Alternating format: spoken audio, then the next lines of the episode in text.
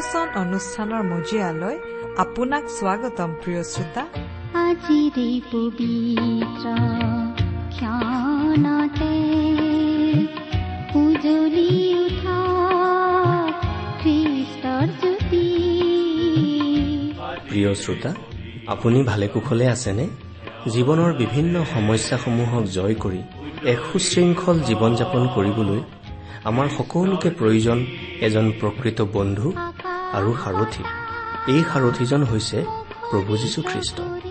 তেওঁ মানুহক মুক্তি আৰু প্ৰচুৰ জীৱন দিবলৈ ক্ৰুচত বলি হবলৈকো কুণ্ঠাবোধ নকৰিলে। সেয়েহে তেওঁহে আপোনাৰ মোৰ জীৱনক সঠিক পথেৰে আগবাঢ়ি যাওঁতে সহায় কৰিব পাৰে। তেওঁত আশ্ৰয় লৈ আমাৰ জীৱনে প্ৰকৃততে সঠিক জীৱনৰ বাট বিচাৰি পায়। গতিকে তেওঁৰ বিষয়ে আৰু অধিককৈ জানিবলৈ পবিত্ৰ বাইবেলৰ এই শিক্ষামূলক অনুষ্ঠান ভক্তিবচন মনোযোগেৰে শুনো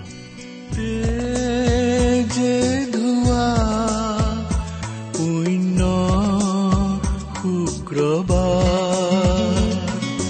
বৈ জগতৰ পাপৰ ভাৰ পাৰ্য মানে ত্ৰাণকৰ্তাৰ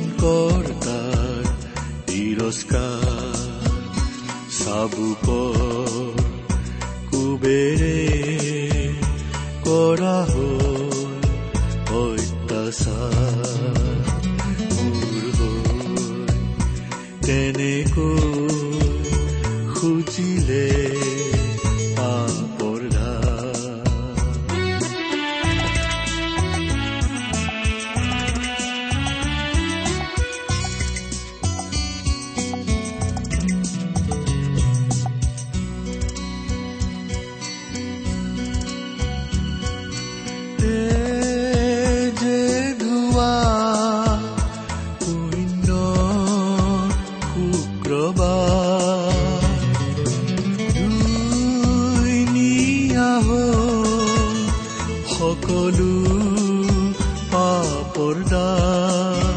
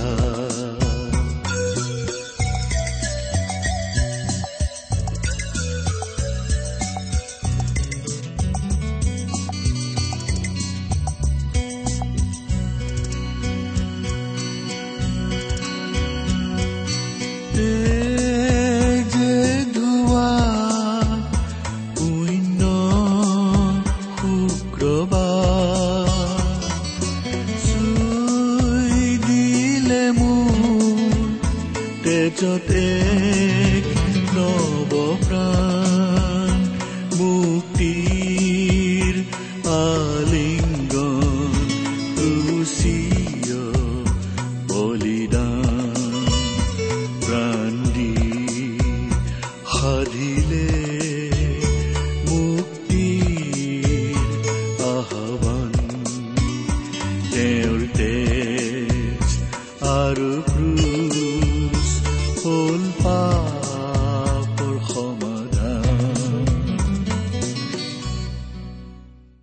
পৰম পবিত্ৰ প্ৰভু যীশুখ্ৰীষ্টৰ নামত নমস্কাৰ প্ৰিয় শ্ৰোতা। আশা কৰো মহান পিতা পৰমেশ্বৰৰ মহান অনুগ্ৰহত আপুনি ভালে কুশলে আছে। প্ৰিয় শ্ৰোতা আপুনি বাৰু কিমান দিন ধৰি আমাৰ এই ভক্তিবচন অনুষ্ঠানটো শুনি আহিছে? আপুনি বাৰু কেতিয়াবা আমালৈ চিঠি পত্ৰ লিখিছেনে? আপোনালোকৰ পৰা চিঠি পত্ৰ পাবলৈ আচলতে আমি আগ্ৰহেৰে বাট চাই থাকো। আপুনি যদিহে আমালৈ চিঠি পত্ৰ লিখি আছে তেতিয়াহ'লে আপোনাক ধন্যবাদ জনাইছো। আৰু যদিহে কেতিয়াও চিঠি পত্ৰ লিখা নাই তেনেহ'লে আজিয়েই দুখাৰিমান লিখি পঠিয়াবচোন। আহকচোন বাইবেল অধ্যয়ন আৰম্ভ কৰাৰ আগতে খন্তেক প্ৰাৰ্থনাত মূৰ দুৱাওঁ হওক। হে আমাৰ স্বৰ্গত থকা অসীম দয়ালু কৰুণাময় পিতা ঈশ্বৰ। আমি তোমাক ধন্যবাদ দিছো কিয়নো তোমাৰ মহান বাক্য বাইবেল শাস্ত্ৰ অধ্যয়ন কৰিবলৈ তুমি আমাক আকৌ এটা সুযোগ দান কৰিছা। তোমাৰ বাক্যৰ নিগৃঢ় তত্ব তুমিয়েই আমাক বুজাই দিয়া পিতা। তুমিয়েই আমাৰ শিকাওঁতা হৈ তোমাৰ বাক্য স্পষ্ট ৰূপত বুজাই দিয়া। তোমাৰ মাত আমাৰ প্ৰত্যেককে শুনিবলৈ দিয়া। এই প্ৰাৰ্থনা আমাৰ মহান ত্ৰাণকৰ্তা মৃত্যুঞ্জয় প্ৰভু যীশুখ্ৰীষ্টৰ নামত আগবঢ়াইছো। আমেন।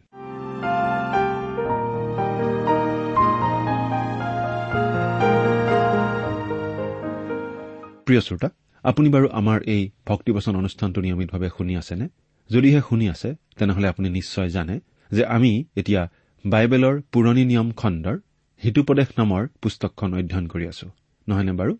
আমি যোৱা অনুষ্ঠানত এই হিতুপদেশ পুস্তকৰ দহ নম্বৰ অধ্যায়ৰ পৰা চাইছিলো।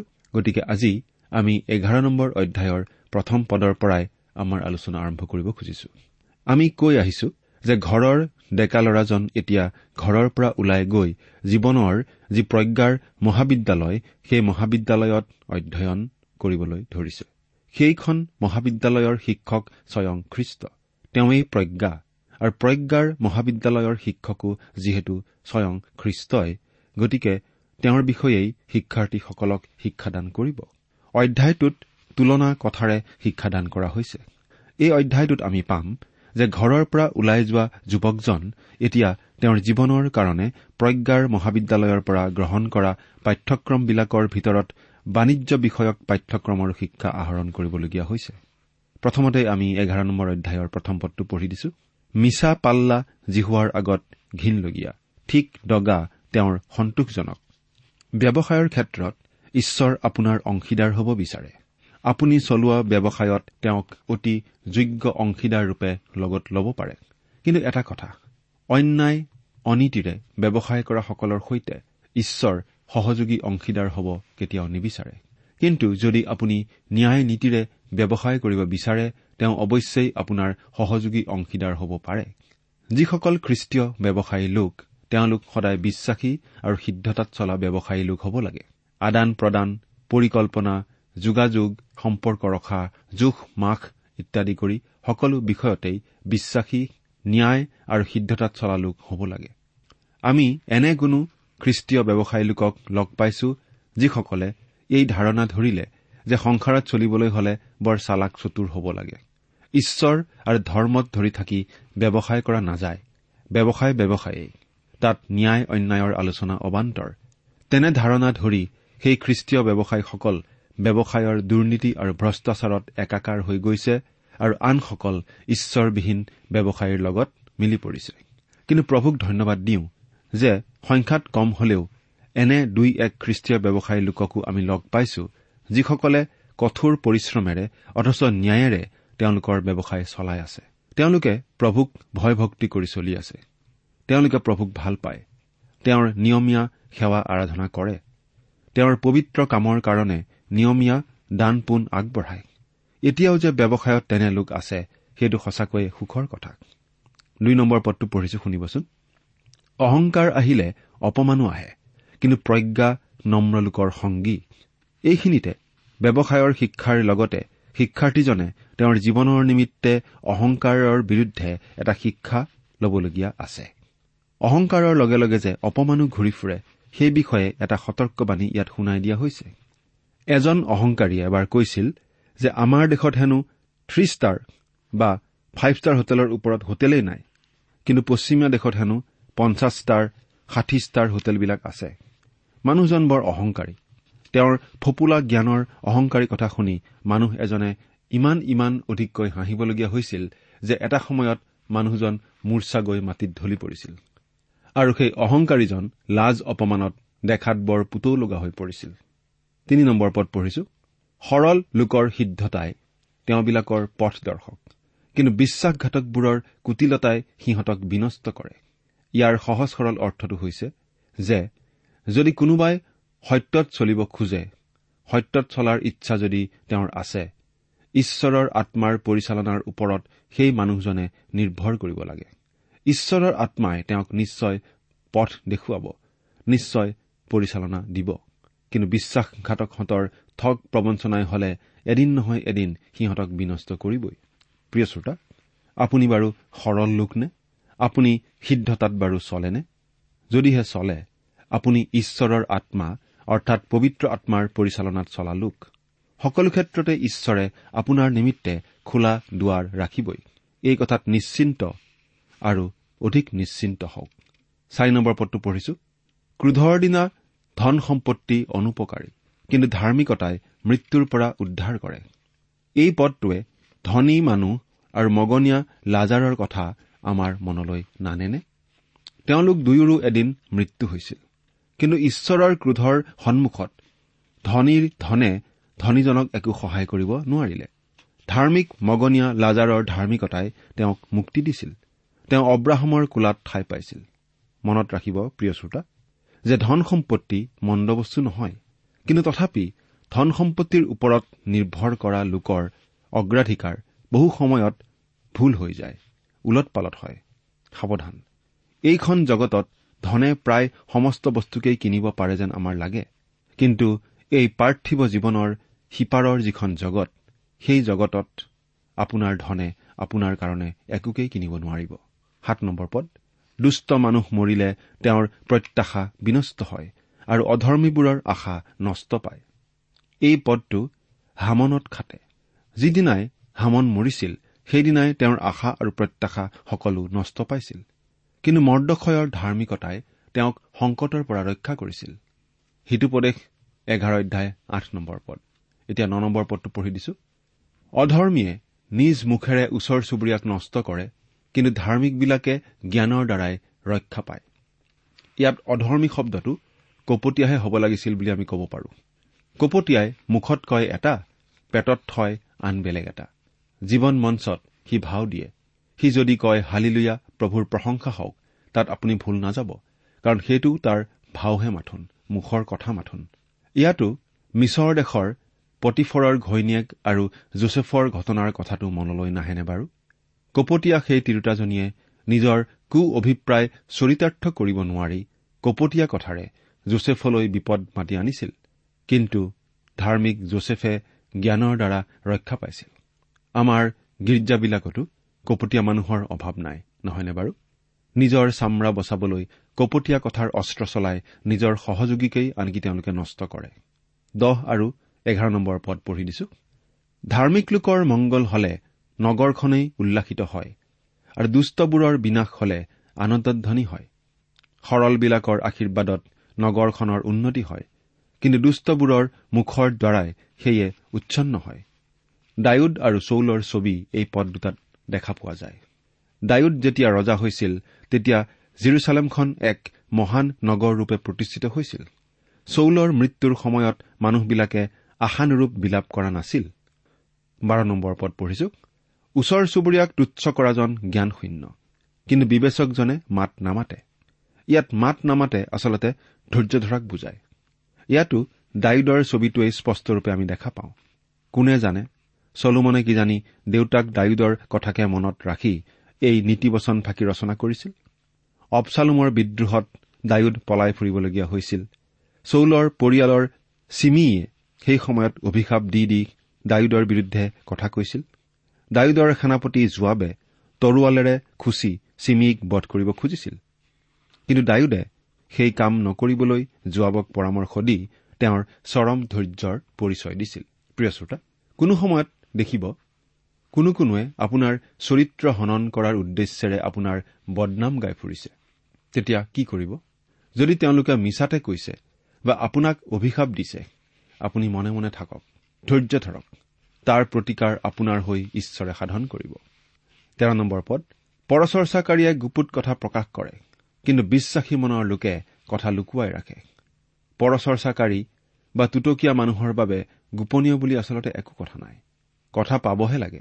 তিলটোকে তাল ৰৌটোকে টৌটো কৰি একেবাৰে মানুহৰ মাজত ভুল বুজাবুজি অশান্তি বিৰাজ কৰি এক অদ্ভুত সুখ তেওঁলোকে উপলব্ধি কৰে। কিন্তু বিশ্বাসী লোকক আপুনি মাথোন কব যেন কথাটো কতো কাকো নকয় আৰু তেওঁলোকে কাকো নকয়। বুকুতে শুই থকা নিজৰ ভাৰ্যায়ো কথাটোৰ ফুটটোকে তেওঁলোকৰ পৰা নাজানিব। চৈধ্য নম্বৰ পদ সুশাসনৰ অভাৱত প্ৰজাৰ পতন হয় কিন্তু মন্ত্ৰণাদাতাসকলৰ বাহুল্যত প্ৰজাৰ ৰক্ষা হয়। সুশাসন বা সুন্দৰ পৰিচালনা আজি আমাৰ আছেনে বাৰু? প্ৰজাৰ পতন ঘটা নাইনে বাৰু? দৈনিক কাকতবিলাকে অহৰহ ঘটি থকা ঘটনা আৰু দুৰ্ঘটনাবিলাকে আমাক বাৰু কি কয়? সুশাসনৰ কথা প্ৰজাৰ সৰ্বাংগীন মংগলৰ কথা কয়নে বাৰু? আজিৰ আমাৰ মন্ত্ৰণাদাতাসকলৰ কথানো কি ক'ম? বেজৰ নাকতেই খৰ। মন্ত্ৰণাদাতাসকলকেই আজি মন্ত্ৰণাৰ প্ৰয়োজন হৈছে। বহুতৰ ক্ষেত্ৰত মন্ত্ৰণাই কেৱল কিয়? বহুতৰ ক্ষেত্ৰত মন্ত্ৰণাই কেৱল কিয়? মন্ত্ৰয়ো কাম নিদিয়া হৈছে। মানুহবোৰ মন্ত্ৰ নমনা সাপৰ নিচিনা হৈছে। কিন্তু আপুনি যদি মন্ত্ৰণা প্ৰিয় মানুহ মন্ত্ৰণাই আপোনাৰ মংগল কৰিব। নবুখত নেজৰ আৰু কোৰছ ৰজাই দানিয়েলৰ মন্ত্ৰণা লৈ মংগলৰ মুখ দেখা পাইছিল। এতিয়া পোন্ধৰ নম্বৰ পদটো পাঠ কৰি দিব খুজিছো। যি লোকে অচিনাকি লোকৰ জামিন হয় তেওঁ অৱশ্যে ক্লেশ পাব। কিন্তু যিজনে জামিন হোৱা ঘীন কৰে তেওঁ নিৰাপদে থাকে। অচিনাকিৰ জামিন? চিনাকিৰ জামিন হোৱাই আজিকালি বৰ বিপদজনক। জামিনদাৰীসকলক জামিন হোৱাৰ অভিজ্ঞতাৰ কথা সুধি চাবচোন বাৰু কি কয় শুনিব? আমাৰ পৰিত্ৰতা প্ৰভু যীশুখ্ৰীষ্ট পাপী মানৱৰ বাবে জামিনদাৰী হৈ নিজৰ প্ৰাণ আহুতি দিব লগা হ'ল আৰু তাৰ বাবেই আজি আমি পৰিত্ৰাণ লাভ কৰিব পৰা হলো। আপুনি জামিনদাৰী হৈ কি দিব? কি দিব পাৰিব? আমি জামিনদাৰী হ'ম কাৰ বাবে? কাৰণ প্ৰভু যীশু আমাৰ জামিনদাৰী হৈ আমি বহন কৰিবলগীয়া মূল্যখিনি তেওঁ আমাৰ হৈ বহন কৰাত আমি পাপী আৰু জামিনদাৰী দুয়ো মুক্তি পালো। হালিলুয়া। প্ৰভুৰ প্ৰশংসা হওক। কাৰণ জামিনদাৰী ৰূপে তেওঁ মোৰ স্থান ললে। ষোল্ল নম্বৰ পদ। যেনেকৈ পৰাক্ৰমী লোকে নিজৰ ধন সম্পত্তি ধৰি ৰাখে তেনেকৈ মৰ্যাদাপন্না সন্তোষদায়িনী স্ত্ৰীয়ে নিজৰ সতীত্ব ৰক্ষা কৰে। এই পদটোৱে ৰুথৰ কথা মনত পেলাই নিদিয়েনে বাৰু? ৰুথ বিধৱা দৰিদ্ৰা আৰু দুখিনী নাৰী আছিল। তথাপি তাই তাইৰ মৰ্যাদা অটুট ৰাখিছিল আৰু সেয়ে বুৱজে তাইক ক'ব পাৰিছিল যে গোটেই নগৰৰ মানুহে জানিছিল যে তাই এগৰাকী সদাচাৰিণী মহিলা আছিল। এই কথা আমি ৰুথ তিনি নম্বৰ অধ্যায়ৰ এঘাৰ নম্বৰ পদ পঢ়িলে পঢ়িবলৈ পাওঁ। পৰাক্ৰমী লোকে নিজৰ ধন সম্পত্তি ধৰি ৰাখে বোলা কথাষাৰ বুৱজৰ ক্ষেত্ৰতেই খাপ খায়। ওঠৰ নম্বৰ পদ পাঠ কৰি দিছো। ওঠৰৰ পৰা একেলগে একৈশ নম্বৰ পদলৈকে পাঠ কৰি দিছো শুনিবচোন। দুষ্টই মিছা উপাৰ্জন কৰে কিন্তু ধাৰ্মিকতাৰূপ গুটি বওঁতাই প্ৰকৃত পুৰস্কাৰ পায়। যিজনে ধাৰ্মিকতাত থিৰে থাকে তেওঁ জীৱন লাভ কৰে। কিন্তু যিজনে দুষ্টতাৰ অনুগমন কৰে তেওঁ নিজৰ মৃত্যুৰ অৰ্থেহে তাকে কৰে। কুটিল মনৰ লোক জিহুৱাৰ ঘীন লগা।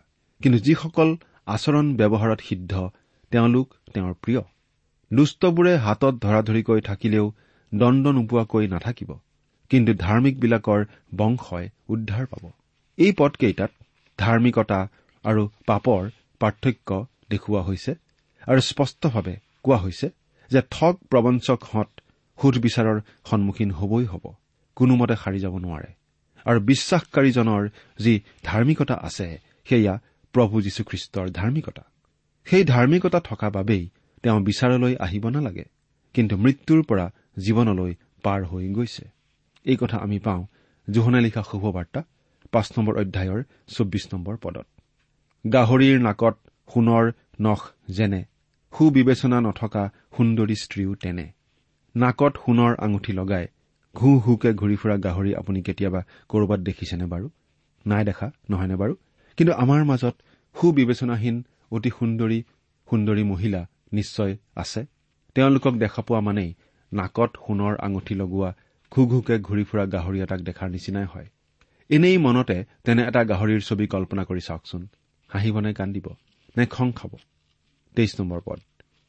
ধাৰ্মিক লোকৰ বাঞ্চা কেৱল হিত কৰা কিন্তু দুষ্টবোৰৰ আশাত ক্ৰোধহে জন্মে।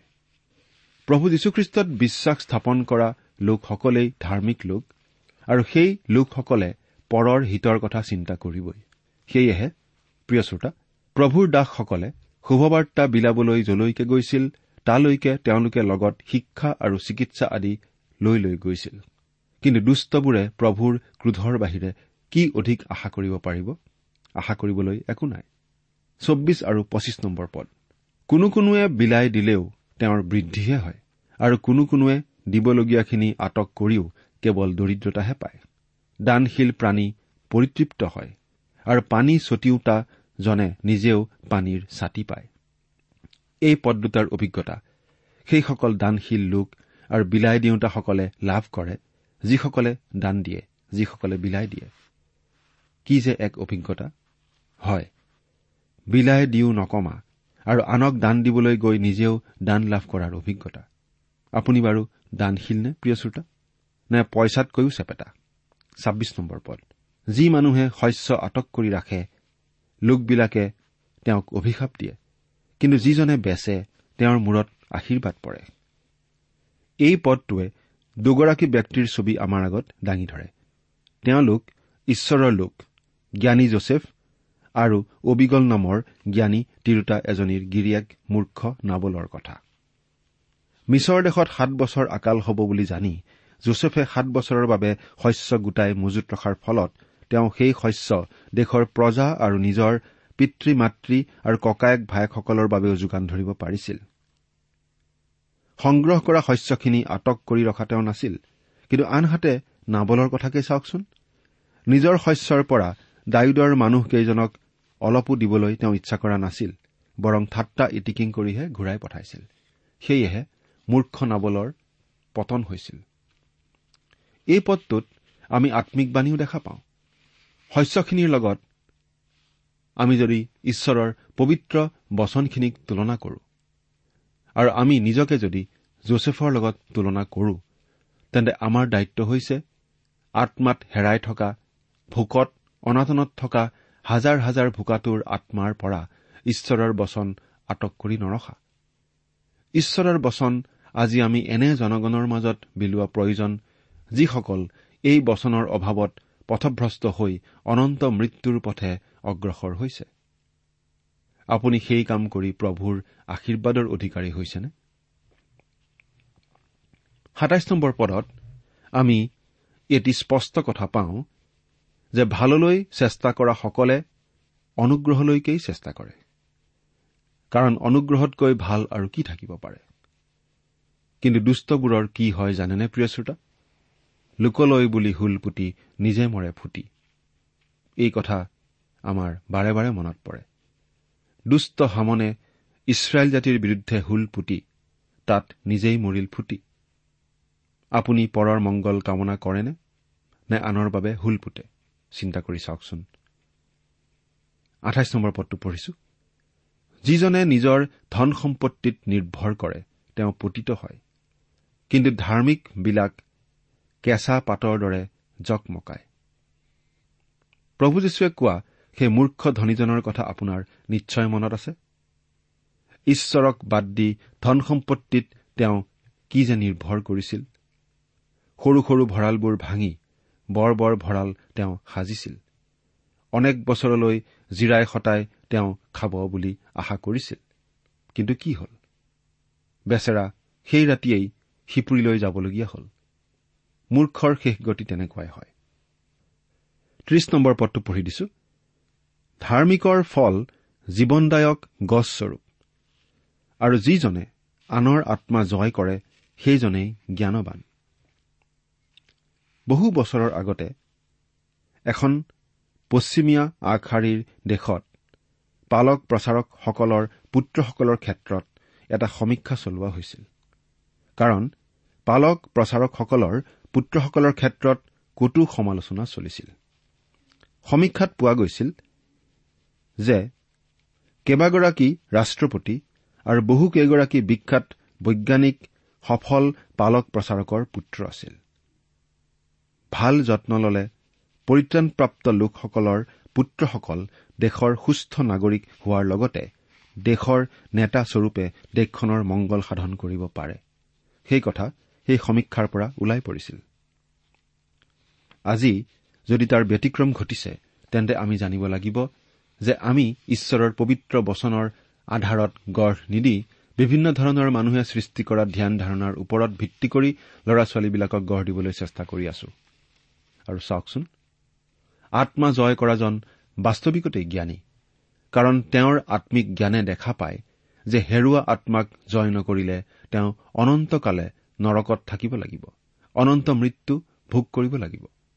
ভাবিলেই গাৰ নোম ডাল ডাল হবলগীয়া কথা। প্ৰিয় শ্ৰোতা আপুনি বাৰু প্ৰভু যীশুখ্ৰীষ্টক পাইছেনে?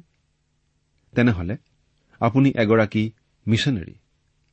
আৰু আপুনি লগ পোৱা প্ৰতিগৰাকী হেৰুৱা আত্মাই আপোনাৰ বাবে মিছন ফিল্ড বা আপোনাৰ কৰ্মক্ষেত্ৰ। একত্ৰিশ নম্বৰ পদটো পঢ়ি দিছো। চোৱা পৃথিৱীতে ধাৰ্মিক লোকে প্ৰতিফল পায়। তেন্তে কিমান অধিক পৰিমাণে দুৰ্জন আৰু পাপীয়ে পাব?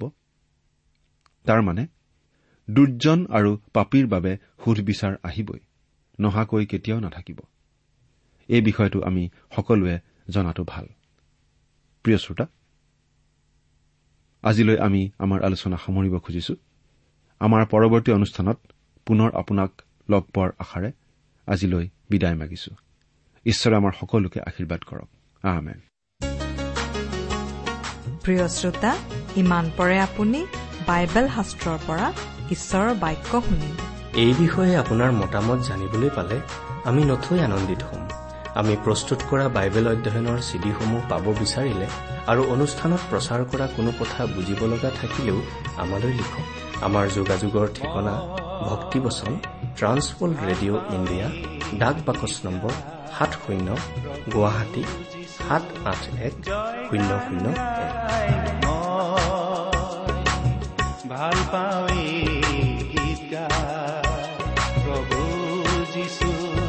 জয় গান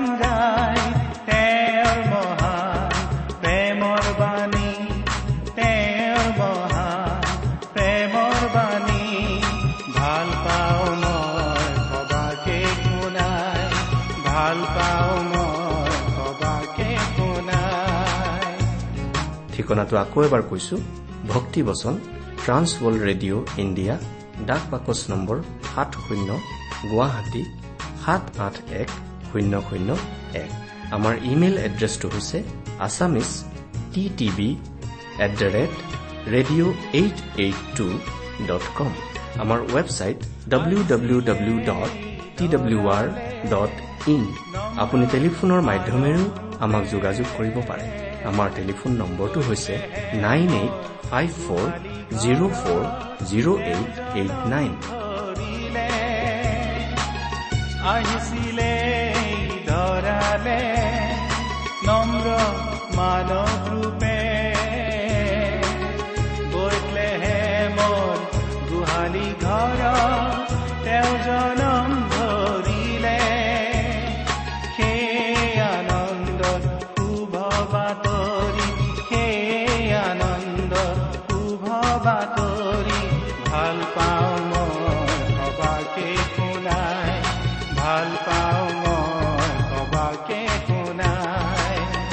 নম্বৰটো আকৌ এবাৰ কৈছো ন আঠ পাঁচ চাৰি শূন্য চাৰি শূন্য আঠ আঠ ন। আপুনি এই ভক্তিবচন অনুষ্ঠানটি আমাৰ website radio' eight eight two dot কমতো শুনিব পাৰিব। আজিৰ অনুষ্ঠানটি ইমানতেই সামৰিছো। ঈশ্বৰৰ শান্তি আৰু অনুগ্ৰহ আপোনাৰ লগত থাকক। ধন্যবাদ।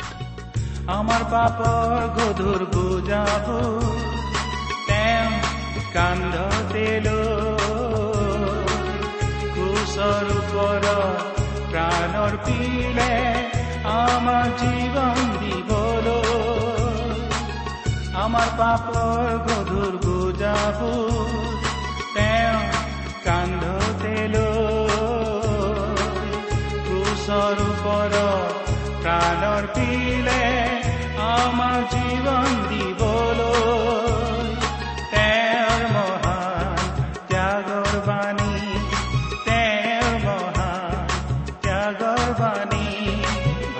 ভাল